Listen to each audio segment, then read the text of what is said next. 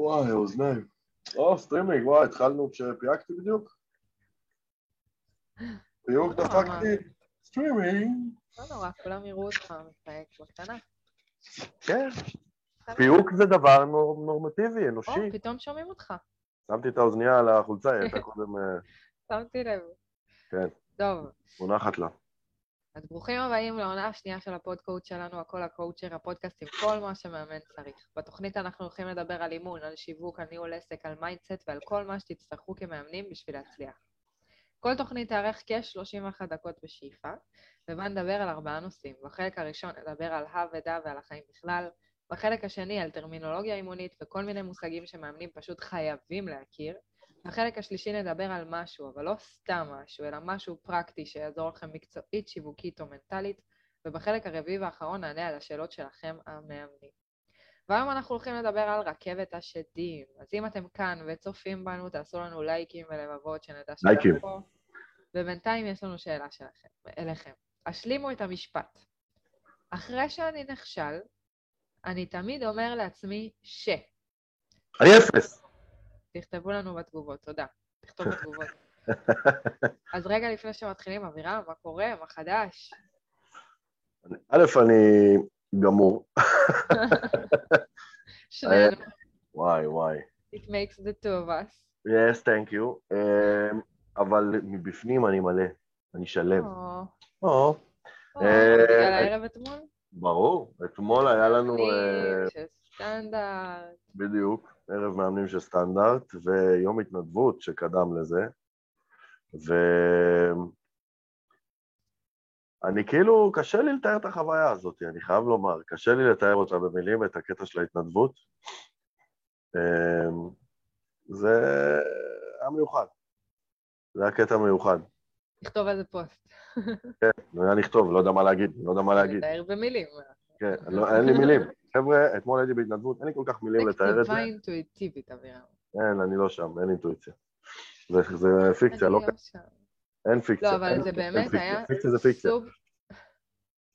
זה באמת היה סופר מרגש, זה סוף סוף אחרי הקורונה ואחרי שומר חומות ואחרי כל מה שקרה לנו במדינה בתקופה האחרונה, יכולנו לפגוש פיזית האנשים ולעשות את ההתנדבות הזאת וללכת לשבת באיזה מסעדה אחר כך, זה היה ערב מה זה כיפי. חזרתי, כאילו, הגעתי הביתה כבר באיזה אחת, במה זה אנרגיות? כאילו, לא מה? יודעת מה. מצד אחד גמורה, מצד שני מלאת אנרגיות. לא, אז לא- כושי פה, כושי פה, הלך, לס... גרזנו אותי עם הסלקים והחצילים שם בסחורות, הלכנו לארוז הרסלי מזון ולחלק אותם למשפחות, אבל כושי הלך להביא את הירקות. אה, חזרתי הביתה גמור, גמור. נכנסתי גם להתקלח, הייתי עם בוץ בציפורניים. נכנסתי להתקלח, מסריח הייתי, באתי לאשתי, הייתה ערה, מה קורה, מאמי? מריחה אותי פתאום. כן, ככה זה מרגיש, התנדבות, אוקיי? אבל מה שיותר מדהים פה, אני לא יודע אם זה יותר מדהים, אבל זה מדהים, לא פחות מבחינתי, זה ש... אמ, זה איזשהו אמ, משהו שהבנת, כאילו, נפ... האסימון שנפל עליי, נפל לי, עליי,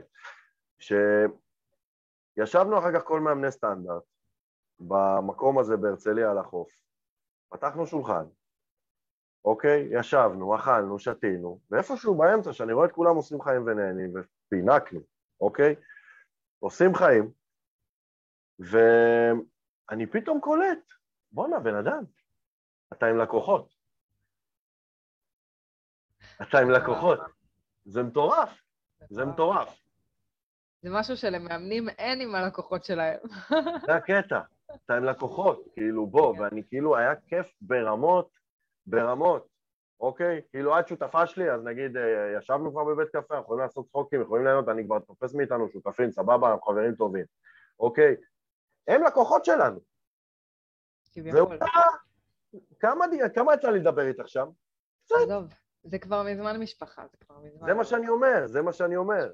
זה בדיוק מה שאני אומר, היה כיף ברמות, אמ, וזהו, זה האסימון הגדול שנפל עליי. כאילו, אני אומר לעצמי, מתי פעם אחרונה גומה. מכללה שלמדתי עליה, אה, עליה, למדתי בה, אה, סימון נפל עליך, כן, למדת על המכללה.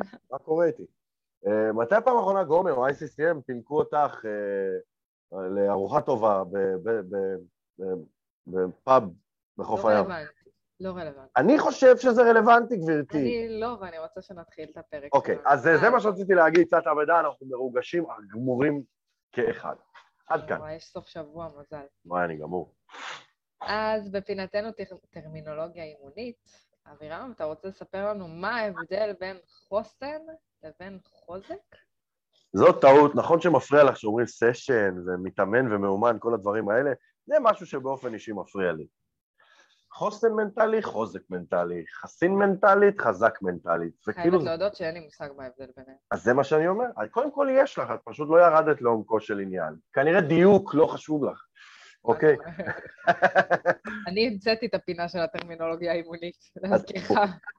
חוסן בא מהמילה חיסון, אוקיי? כשאני מקבל חיסון ליד, נאמר לקורונה או לשפעת או לוואטאבר, ובואו נגיד שהחיסון יעיל, אוקיי? זהו, אני לא עושה יותר שום דבר, החיסון עובד לבד, כאילו יש עליי איזשהו מעטה של שריון, המחלה לא יכולה לפגוע בי, אני חסין בפניה. חוסן בא מחיסון או חיסון בא מחוסן? אני לא יודע מי בא ממי, אבל הם אותו אחד, אוקיי? כן. אני חסין חוזק. בפני הדבר הזה, אני פשוט חסין בפני הדבר הזה. קרנף יש לו אור עבה, הוא חסין בפני קוץ, אוקיי? אוקיי. זה מה שזה. חוזק זה משהו אחר לחלוטין. אדם חזק יכול לסחוב 200 קילו, אדם חלש לא. אוקיי? אז אם יש לי עכשיו איזשהו קושי נורא גדול שמעיק עליי בחיי, אני צריך חוזק נורא נפשי כדי להתמודד איתו, כדי להרים אותו, כדי זה כאילו לספוג. גורם לי... זה גורם לי לשאול אם יש בכלל דבר כזה חוסן מנטלי, לא נראה אז לי. זה העניין, שיש, אוקיי? ולכן, בוודאי, כי מפה נולד הביטוי, מה שלא הורג מחשל. דברים שבעבר שברו אותי, היום לא מזיזים לי יותר, אוקיי? כי ואז- כבר, ואז כלפיהם אתה כבר חסין? אני חסין, הם לא מזיזים לי, אני בכלל לא משקיע מאמץ כדי להתגבר עליהם. נגיד, פעם פחדתי נורא מחשיפה במצלמה. אפרופו, זו השאלה גם ששאלו אותה, נורא פחדתי מזה. והייתי צריך חוזק מנטלי נורא גדול כדי להתגבר על זה. היום אני חסין בפני התופעה, היא לא מזיזה לי, אני לא משקיע מאמץ בכלל בשביל להוציא סרטון. זה לא מזיז לי, אני חסין בפני הפחד ממצלמה, מה שבעבר הייתי צריך חוזק מנטלי נורא גדול על מנת לא להישבר ולוותר על זה. זה דרש ממני כוחות זה שהיום... כאילו, זה סוג של דרגות. כאילו, בהתחלה כשאני עובדת על היכולת הזאת, אני מפתחת חוזק, עד שבאיזשהו שלב אני הופכת להיות חסינה לזה. לא, את משתמשת ב... אה, תראי, ב- בגדול מבחינתי חזק מנטלית מסתכם בדבר אחד נורא פשוט. את ותרנית, את חלשה מנטלית. את אה, נלחמת, את חזקה מנטלית. תילחמי, תילחמי, תילחמי, תילחמי, תילחמי, תילחמי. את תתחזקי נורא, עד כדי כך שמה שפעם דרש... אני כבר אהיה חסינה. את תהיי חסינה, אז ואז כאילו זה סוג של דרגה חדשה בחוזק שלי. אני כבר אה, חסינה מול זה. במידה מסוימת, במידה מסוימת, זה כמו שפעם זה, כן? פעם היית מרצה, אוקיי? ובתהליך ההתגברות על הסיפור הזה, אני מניח שזה דרש ממך המון מאמצים. כן, העניין הוא שאני, ש... בהקשר הזה אני לא חושבת שאני חסינה למקום הזה. את עדיין בריצוי? לפעמים זה, זה כן משהו שמפעיל, זאת אומרת, היום אני כבר יודעת להתמודד איתו, כל עוד את מודעת לזה, אבל אני את מודעת ונלחמת, במרכאות. אז את עדיין זאת אומרת, אם הייתי לא חסינה מחוסנת, לחלוטין. זהו, אני לא מאמינה שיש דבר כזה חסין לחלוטין. אולי בדברים ספציפיים, שוב, לא בדפוסי התנהגות בעיניי. אבל בסדר, זה כבר... אז על זה אפשר להתווכח, שיחה אבל אני- ליום אחר. אני מאמין שיש, אבל ברמת העיקרון ההבדל הוא ש... אה, נאמר אני מתאגרף, אוקיי? ואני, אה, וילד בן שלוש הביא לי אגרוף לבטן, הוא לא יזיז לי, אני חסין בפניו, אוקיי? אבל אני צריך הרבה יותר שרירי בטן כדי להיות חסין בפני מתאגרף אחר. זה בטוח. אז uh, יש חסינות מסוימת, אבל כל חיסון, בואי, יש לו לימיט. כל אדם יכול להישבר בפוטנציאל, אבל זה בגדול ההבדל, אוקיי? אני אף פעם לא ידעתי את זה. אז אחרי שסגרנו את הפינה, אפשר לעבור לחלק העיקרי. סגרנו את הפינה. בואו נדבר על רכבת השדים. או... אוי ואבוי, זה מה ששמו לך ברכבת שדים? זה תיקים באפלה. זה בוודאי. סדרה של פעם. לא, לא בתקופתך. ממש פעם. אז מה זו רכבת שדים? זהו, לא אני כבר! נזכר בכל מיני שירים, Twilight Zone. אה, רכבת שדים. קודם כל, רכבת שדים זה מין אה, אה, מתקן בלונה פארק, שכשנכנסים אליו, כביכול כיף, לא יודע מה כיף בזה, הבהלה הזאת, אבל סבבה, חושך, ופתאום אה, שד, אה, שד, על האיסטור, לברוח. פעם הייתי בטעות, נכנסתי, ונשמתי יצא. לא, אני לא חסין בפני זה. ואת המטאפורה הזאת אנחנו לוקחים לעסק. עסק הוא רכבת שדים בפני עצמה. מהסיבה הפשוטה שאנחנו נכנסים, אני ואת הקמנו את סטנדרט, כביכול אנחנו יודעים לקראת מה אנחנו הולכים. בפועל, אלף דברים הפתיעו אותנו ולא היינו מוכנים אליהם, והיינו צריכים להתמודד איתם. אלף דברים שגם לא קשורים לעסק, שקשורים למערכת היחסים שלנו, שקשורים לשותפות, שקשורים ל... שכן קשורים לעסק, שקשורים למערכת היחסים שלנו עם המאמנים. כל דבר כזה, אוקיי? הוא בגדר שד. שד. וכל מה שהשד רוצה זה שנפסיק לעשות את מה שאנחנו רוצים. זה כאילו אנחנו במסלול ההתפתחות העסקית, ואז בום, יש שד. בום, יש שד. בום, שד. שד. משהו צץ, משהו צץ, בום. שד, בום, שד. יש אנשים שנהנים מזה, כנראה. אולי לא אפילו. בהתפתחות העסקית שלהם. תשמעי, תלוי בשד, אני מניח, אבל כאילו, אני נורא אוהב אתגרים, אז אני לא תופס אותם כשדים מלכתחילה, אבל בואי, לא מזמן התגברנו על חתיכת שד, אוקיי? להזכירך, ב- ששמו אה, לוגו, כמה רבנו עליו. זה חתיכת שד, אוקיי? אז אה, לא היה לי כיף איתו, הוא עצבן אותי, הוא הרגיז אותי, ורק רציתי לסיים איתו, ואיך שסיימנו אמרתי, אנחנו לא רוצים לשמוע על הדבר הזה שלוש שנים עכשיו, קדימה. אז כאילו, יש שדים ש, שהם לא באים בטוב, ואנחנו נצטרך להתמודד איתם. באותה מידה אני בטוח שישנם שותפים שזה מתפוצץ אצלם עד כדי אין דרך חזרה. ברור. אבל למה זה- בכלל, כאילו, עזוב עכשיו שותפים, וזה כבר שיח אה, כן. בפני עצמו, אבל למה למאמן זה כל כך חשוב להתמודד עם השדים שלו? כאילו, מעבר לנראה לי הדבר הכי בסיסי שיש, שתכלס, מי שלא מתמודד עם השדים לא מצליח. אז זה קודם כל, זהו, זה מתחלק לשתיים, אבל זה, זה החלק, אה, סגר בחלק השני, אבל אה, כנראה שהוא יהיה החלק הראשון.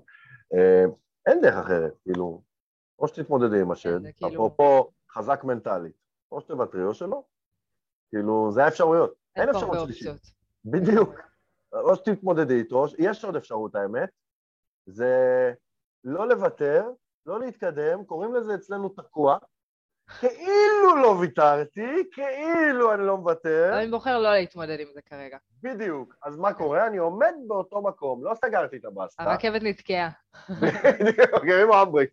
הבסטה עובדת. אין ירקות, לא אין מכירות, אבל לא סגרתי אותה, אוקיי? היא שם. אבל למה זה עוד חשוב? כי כאילו זה נראה לי הברור מאליו, כביכול. נכון, זה ברור מאליו, אבל אנשים, אה, את יודעת, עוצמים עיניים שם, אז זה מחזיר אותי לפוסט של המטאטא.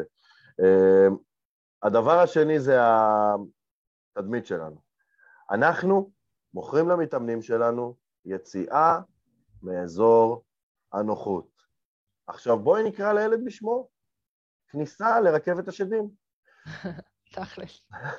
רכבת שדים של עצמם. זה בדיוק. מוכרים כרטיסי טיס- כניסה ל... זה- זהו, עכשיו כשתשאלו, כשישאלו אתכם מה אתם עושים בתור מאמנים, היו מוכרים כרטיס כניסה לרכבת. לרכבת שדים. בדיוק. איזה כיף, כמה בא לי, אימא'לה. זה ממש, זה מה שאנחנו עושים. עכשיו, אנחנו הכרטיסנים. הכרטיסן, המניאק הזה, לא נכנס אף פעם לרכבת. כאילו, אתה רק מוכר. דיבורים כמו חול ואין מה לאכול אומרים על זה, אז כאילו, אבל כמאמן אנחנו- זה לא יכול להיות. יפה. עכשיו תראי, אני תמיד אומר, אני איש מכירות מעולה, בתנאי שאני מאמין במוצר שאני מוכר. לא תראי אותי מוכר, אה, לא יודע, איזשהו קרם קסם שקרי כלשהו, אני לא מאמין במוצר, אני לא יכול למכור אותו, אוקיי? אז אה, אני מוכר את המוצר שלי, והמוצר שלי דוגל ביציאה מאזור הנוחות, אני מאמין בו, ואני לא אשתמש בו? לא, זה מוזר. אז זה מה שאני אומר. ולכן, זה הדבר הכי חשוב, כי תדמיתית, ה-walk the talk הזה, הסנדלר הולך יחף, הגמל לא רואה את הדבש אצל עצמו, כל המנטרות המרגיזות האלה, הם בדיוק זה, זה מחזיר אותי לכתבה על המאמן שיושב בבודקה, זוכרת את הבודקה? כל אחד שיושב בבודקה אומר לכולם איך, אה, מה עושים, מי עושה, הפכו לי את הקליניקה לבודקה, בודקה אימוני. אז uh, אני אומר שאם אנחנו דוג... uh, יודעים להגיד למתאמנים שלנו, צאו מאזור הנוחות, כנסו לרכבת השדים, אנחנו חייבים את זה לעצמנו, ויותר מזה, אנחנו חייבים את זה לתדמית שלנו כמאמנים. לא יכול להיות שבאמת בתדמית שלנו הקהל יגיד, אה, כל אחד שיושב לו באיזה בודקה או דירה שכורה ב... לא יודעת, באיזה חור, אה, אומר לי איך לחיות את החיים שלי. לא. אנחנו קודם כל, עזוב שלא אומרים לאף אחד איך לחיות את החיים שלו, אבל אנחנו גם לא רוצים תדמית של אותו אחד שמדבר על ולא עושה את זה. כן. אנחנו גם מאמינים בזה, זה העניין, אנחנו מאמינים בזה. זה דרך חיים. אימון זה דרך חיים. בדיוק, אז כאילו למה אנחנו לא יוצאים מאזור הנוחות ונכנסים, באים לשד, אומרים לו, שד, דש. זו אגב, ה... זו אגב, ה... מה שאני כתבתי בפוסט של תחילת השבוע, בפתיח לשבוע הזה בפעילות בפורום, שבאמת באמת הרגשתי בתחילת הדרך לא פייר אם להרים ידיים ולא להתמודד עם השדים שלי, או אם לתת למישהו אחר להתמודד איתם לצורך העניין. הבנתי שזה חלק מהמחויבות והאחריות שלי אם אני אחת שבוחרת לחיות בדרך אימון. נכון. אז תכלס, איך עושים את זה? איך עושים את זה? אז ככה, כתבתי הפעם. נתניה אמר לי, תכתוב, אז כתבתי. אה, אוקיי, אז קודם כל, ה basic של ה basic זה בחירה בין שתי אפשרויות נורא פשוטות, אוקיי? אנחנו נורא אוהבים לפשט. או שתתמודדו עם הרכבת לבד, או שתתמודדו עם הרכבת, עם... כנסו לרכבת עם חבר'ה. האמת, גם ברכבת שדים, כשאתה עם חבר'ה זה כאילו... יותר כיף. כן. ברור, יותר כיף. כי כולם צועקים, זה כבר נהיה, אה, צעקתי בשביל הכיף, לא צעקתי כי הפחיד אותי. אה, פחדן, אה, סמרטוט, אני רוצה להגיד לידם, אני לא שותק, אבל פיפי בתחתונים, אבל לא נורא. אני אגיד לך את האמת, ברכבת הרים, לא ברכבת שדים. אוקיי, שם אוקיי. יש לי יותר פחד. אני צריכה מישהו להחזיק לו את היד, אני אחרת... לא, לא, לא, לא, זה לא יהיה אני. בואו נתחיל מזה. אני לא... תראי, אני תמיד אומר שצריך להיכנס לרכבת שדים שמובילה ליעד שאתם רוצים, לא סתם להיכנס לרכבת שדים. למה? אוקיי, יש כאלה שנהנים מזה. אז אני פחות שם, אני פחות אוהב את זה, אני לא נכנס לרכבות שדים למען הרכבת שדים, זה לא היעד שלי. אבל uh, אני נכנס לרכבת שדים שמובילה אותי ליעד שאני רוצה, ובאמת, לעשות את זה עם קבוצה, אוקיי? במידה מסוימת החלום הזה שנקרא בית למאמנים היה שד נורא גדול עבורי, הכל הפחיד אותי בו, לא ידעתי מאיפה להתחיל בכלל, רק חשבתי על הארנונה שאני אשלם במתחם הזה שביררתי עליו, זהו. ואז לעבוד איתך, ושוב, אני, זה, זה לוקח אותי לשותפות, כי לא יעזור, לעבוד איתך מייצר אצלנו... כי זה הקבוצה אצלנו. נכון. כאילו, בתחילת הדרך לפחות, היום זו כבר קבוצה הרבה יותר אה, גדולה. זה צמד, מה שנקרא, אבל זה כאילו לעבוד איתך, גרם לי לרצות, גרם לי להתחייב אלייך, גרם לי אה, להתמודד עם השד, פשוט להתמודד איתו. אתה יודע, לא זה מזכיר לי, זה מזכיר לי את אחת המאמנות שלנו שבתחילת הדרך אמרה לי, נטלי, אבל איך אני אמכור תהליך אימוני? כאילו, תכלס, אני, אני מפחדת. אני מפחדת לעשות את זה לבד, אני כאילו אחד על אחד. לא יודעת, מפחדת. ואז אמרתי לה, תגידי, יעזור לכם, אה, תזכרי תמיד כשאת עושה את זה שיש לך גב, שיש מישהו בגב שלך? אמרה לי, כן, בטח. אמרתי, אז אני הגב שלך. עכשיו לכי תמכרי אימון. וזה עשה, זה עשה משהו. זה נכון. עשה משהו, וזה... נכון. זה היה מדהים. אני איתך על זה. אמ, תשמעי, אפילו זה מחזיר אותי לסמינר יום הולדת שלנו. זה בא לנו בתקופה, בא לי לפחות, בתקופה, מה זה שבוע, קרחה, זה היה אחד השבועות העמוסים בחיי, להוציא את השבוע שבו הבת שלי נולדה. אחד השבועות העמוסים בחיי, ואני אומר לעצמי, אם אני לא מתחייב לתאריך הזה, ביחד איתך, זה לא יוצא, אני מבטל. מבט... ככה מבטל. זה שד העומס. תקף אותי, ווואלה, אז הלכתי לישון בשתיים פעם אחת. מה קרה? שלוש. בסדר, אז לא נשאל. אוקיי. אבל שוב, זה בגלל שההתמודדות בקבוצה, בשותפות, התחייבנו כלפי אנשים שקנו כרטיסים וכולי וכולי וכולי, נעצנו את זה, מספיק שנעצנו את זה בתוכנית השנתית. אפילו, את יודעת שאת לבד, לכנס את עצמך לכדי ישיבה איתי ואיתי לבניית תוכנית שנתית, זה גם שד. ברור. קשה מאוד לעשות את זה לבד. ברור, זו תוכנית... אה, היא שד בפני עצמו. אז זה מה שאני אומר, אבל לשבת... לא, אני אומרת שגם היום, אחרי שבנינו אותה, היא שד. היא מה זה שד? היא חבורת השדים. אז uh, לקבוע תאריך בלוז ולהגיד, טוב, נטלי, שם פגישת השדים, התוכנית, תוכנית השדים, אז, uh, אז uh, זה פשוט קורה. השנייה, פשוט. זה קורה, זה פשוט קורה, הדברים קורים. רואים אותנו מהצד, זה בהתקדמות כל הזמן. אין מה לעשות, כי יש מוטיבציה מסוימת שיש בקבוצה, שאין לנו לבד, וזה לא יעזור, ואני גם, אני רואה המון אנשים שמנסים להילחם בזה, לצורך העניין. כאילו, מה, אני אמור לעשות את זה לבד, אני אמור להצליח לעשות את זה לבד, וכל מיני כאלה, וגם אני הייתי ככה כמאמנת בתחילת הדרך. האמנתי שאני יכולה להצליח לבד, ואני אולי גם צריכה להצליח לבד. אבל ביחד זה כל כך הרבה יותר כיף. לי הייתה מאמנת שסיימה איתי קורס מאמנים, ועבדנו ביחד, ואלה הרגעים שהאפקטיביות שלי בהם הייתה הכי גבוהה, גם כשהיו לנו רגעים שרק ישבנו ודיברנו. ועדיין האפקטיביות שלי הייתה הכי גבוהה. חד משמעית. תראי, את מכירה אותי, אני לא בן אדם רגיל. אני קיצוני ברמת המשמעת שלי והעבודה שלי, אני סובייטי, אני בולדוזר של עשייה, כל מי שמכיר אותי יעיד על זה, אוקיי? ואם לי קשה לבד, אז אה, קל וחומר לאחרים. אז אה, לבד זה תמיד לא יותר קשה. אבל, אבל בואי נשים את הדברים על השולחן, אפשר להתמודד עם שדים גם לבד. אפשר עם הכל לבד, אבל זו בחירה. וכמו שאמרת בהתחלה, קודם כל, שלב ראשון תבחרו, אתם מתמודדים עם זה לבד או מתמודדים עם זה בקבוצה. נכון. עכשיו, once בחרתם, לא משנה את אחת מהאופציות, לא משנה מה היא, מה עכשיו עושים? או... השד לא נעלם מעצם הצטרפותי לקבוצה. הוא לא נעלם, the demon is not disappeared, isn't. anyway, אמ, אנחנו, יצא לי שד. אה, אנחנו באים לשד, אנחנו, אנחנו רוצים להבין את השד, אנחנו רוצים להבין מי בדיוק השד, מה, ממש כמו בתהליך אימוני. מה השד שלי, מה מרתיע אותי, למה הוא מרתיע אותי, ולהתחיל לצאת החוצה לרכבת השדים הפרטית שלי, צעד קטן, שתי קמ"ש, עם נר, ברגוע, מה שנקרא, אני אוהב לקרוא לזה, בן מסטנדרט לימד אותי מושג יפה שדיברתי איתם על טכנופוביה, כי נכנסנו קצת לעניינים טכניים, אז שאלנו אותם איך מתמודדים עם פחדים באופן כללי, אז בן אמר, חשיפה הדרגתית. נכון, לגמרי. אז זה בדיוק זה. וההדרגתית הזאת מתחילה מ... נגיד יש לי פחד גבהים, צעד קטן, לעמוד על כיסא. אתה יודע, זה קטע שאתה הבאת את בן, כי לי יש עכשיו דוגמה שדווקא ירדן לימד אותי, שהוא גם אחד המאמנים בסטנדרט. אה, הוא לימד אותנו תרגיל, כלי הקפה, אימוני, לשתות קפה עם הפחד. עם השד. כלי, כן, וזה כלי שממש אפשר לקחת אותו לפה, לשתות קפה עם השד הזה. אה, ממש מציירים אותו, איך הוא נראה, נותנים לו שם, מה הוא אומר לנו, איזה הסכמים יש לנו איתו, איזה הסכמים היינו רוצים לעשות איתו. ממש כאילו לדבר איתו.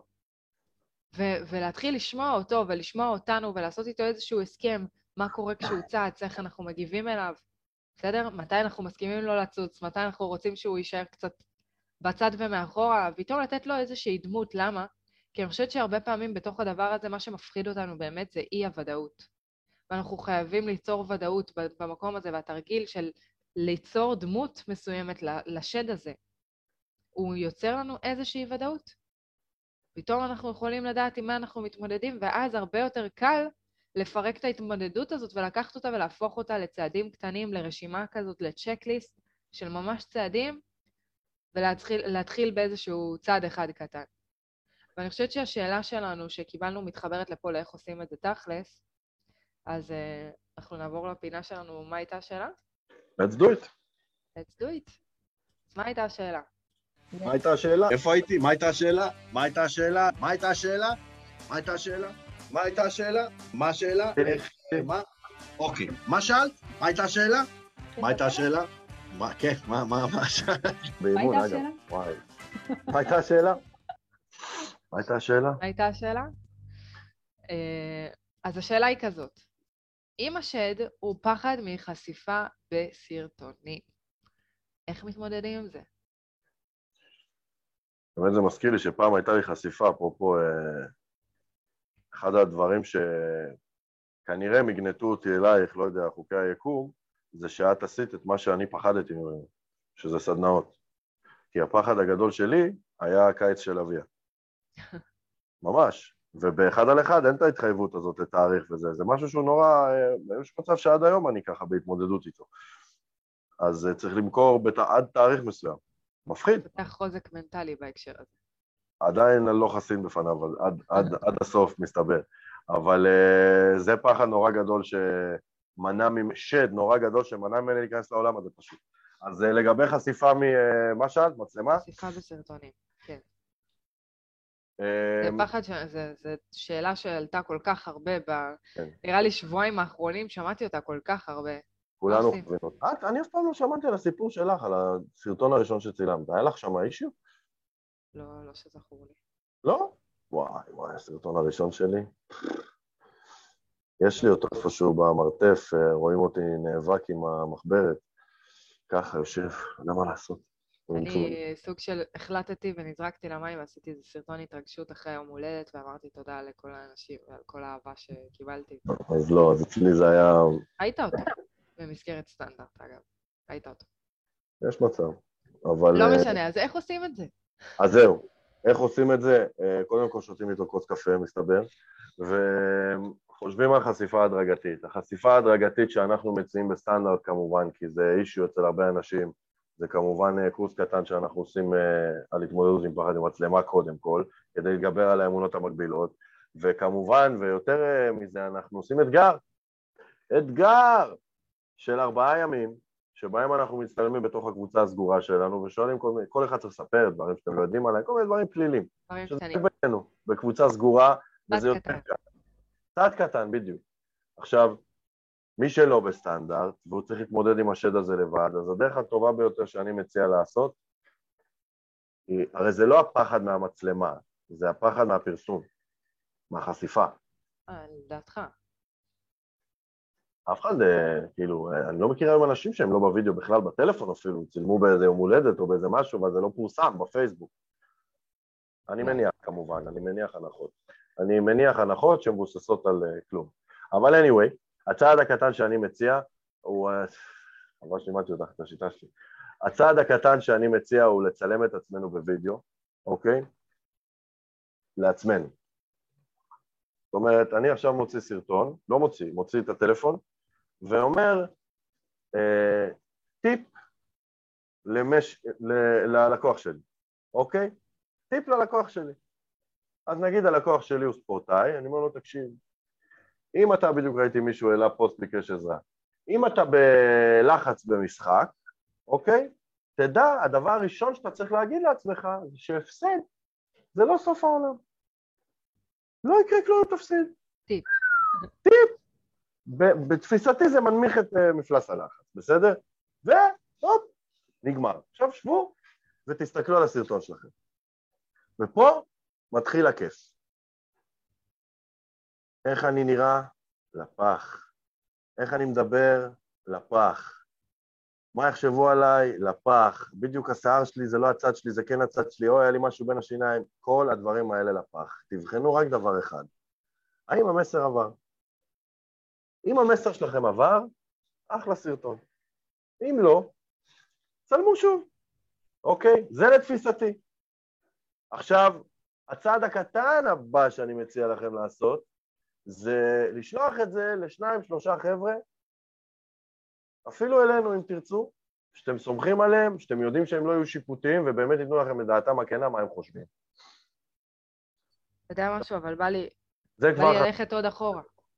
יש עוד אחורה? לדעתי יש עוד הרבה אחורה. מה? כאילו, אני אומרת, אם אני כבר הולכת לצלם סרטון, שלב ראשון הייתי אולי כותבת לי איזשהו נושא לסרטון, או מחפשת איזשהו מסר ספציפי, רק כותבת אותו. כן, שלב ראשון. לא אני נכנסתי בכלל ל- לא מתמודדת לחשיפה. ברור. זה שלב ראשון. שלב שני, סתם לצלם אותי בסרטון, אפילו בלי להגיד כלום. סרטון קצר, כמה שניות. עושה סרטון, לא אומרת כלום. שלב שלישי, אני יכולה ממש לפרק את זה כמה שאני, כמה שאני רוצה, וכל אחד לפי הצורך שלו, כי הוא יודע מה נקודת ההתחלה שלו. אבל זה כמו שאומרים, אתה רוצה לצאת לריצה?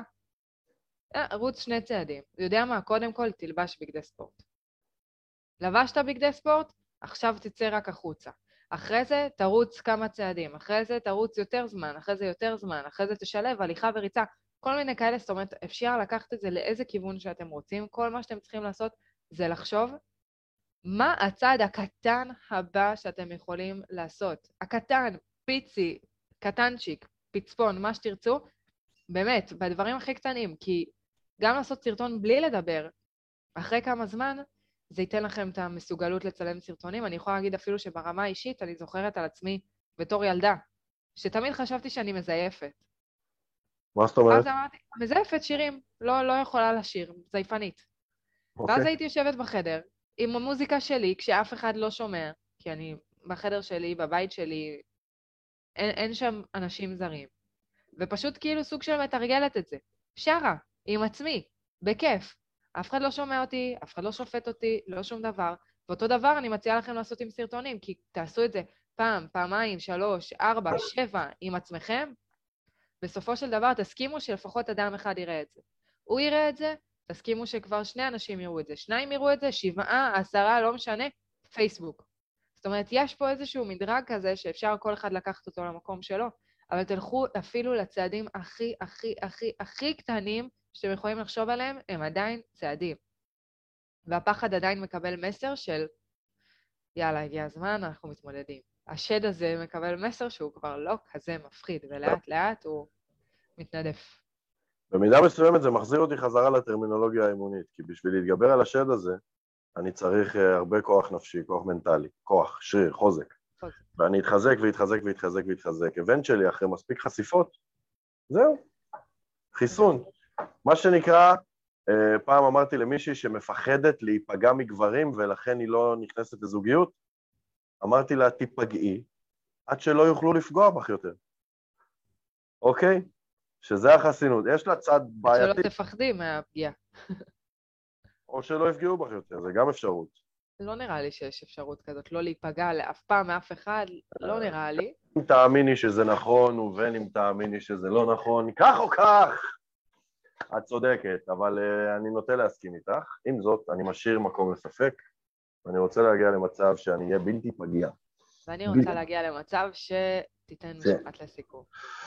משפט לסיכום, חברים, אנחנו יודעים שהרכבת שדים הזאת היא לא פשוטה, ובסטנדרט יש אה, מנגנון מנטלי נורא גדול, שתפקידו לעשות לכם את הסוויצ'ים האלה בראש, את הפרספקטיבות השונות האלה בראש. כי כל אחד בא עם הסריטות שלו, עם השטויות שלו, עם השדים שלו, עם הדברים שלו, ואנחנו באים ומציעים כל הזמן פרספקטיבה אחרת, הופ, אמונה מקדמת, הופ, אמונה מקדמת, הופ, אמונה מקדמת, ולאט לאט נפטרים מהם. זה המשמעות של ה... so called ליווי מנטלי שאנחנו מעבירים, בסדר? ובין היתר, אנחנו עוזרים להתמודד עם כל השדים הללו אה, בכל מיני דרכים רבים ורבות, מה קשור? רבות, בסטנדרט, אה, ואנחנו פשוט מזמינים אתכם, את כל אותם מאמנים שיש להם קשיים מנטליים רבים, חבר'ה, בואו, אנחנו פה בשבילכם, ואנחנו אומרים את זה במלוא הכוונה. עד כאן, משפט לסיכום. אז נתראה בפרק הבא, ובינתיים, אה, יאללה ביי. יאללה ביי.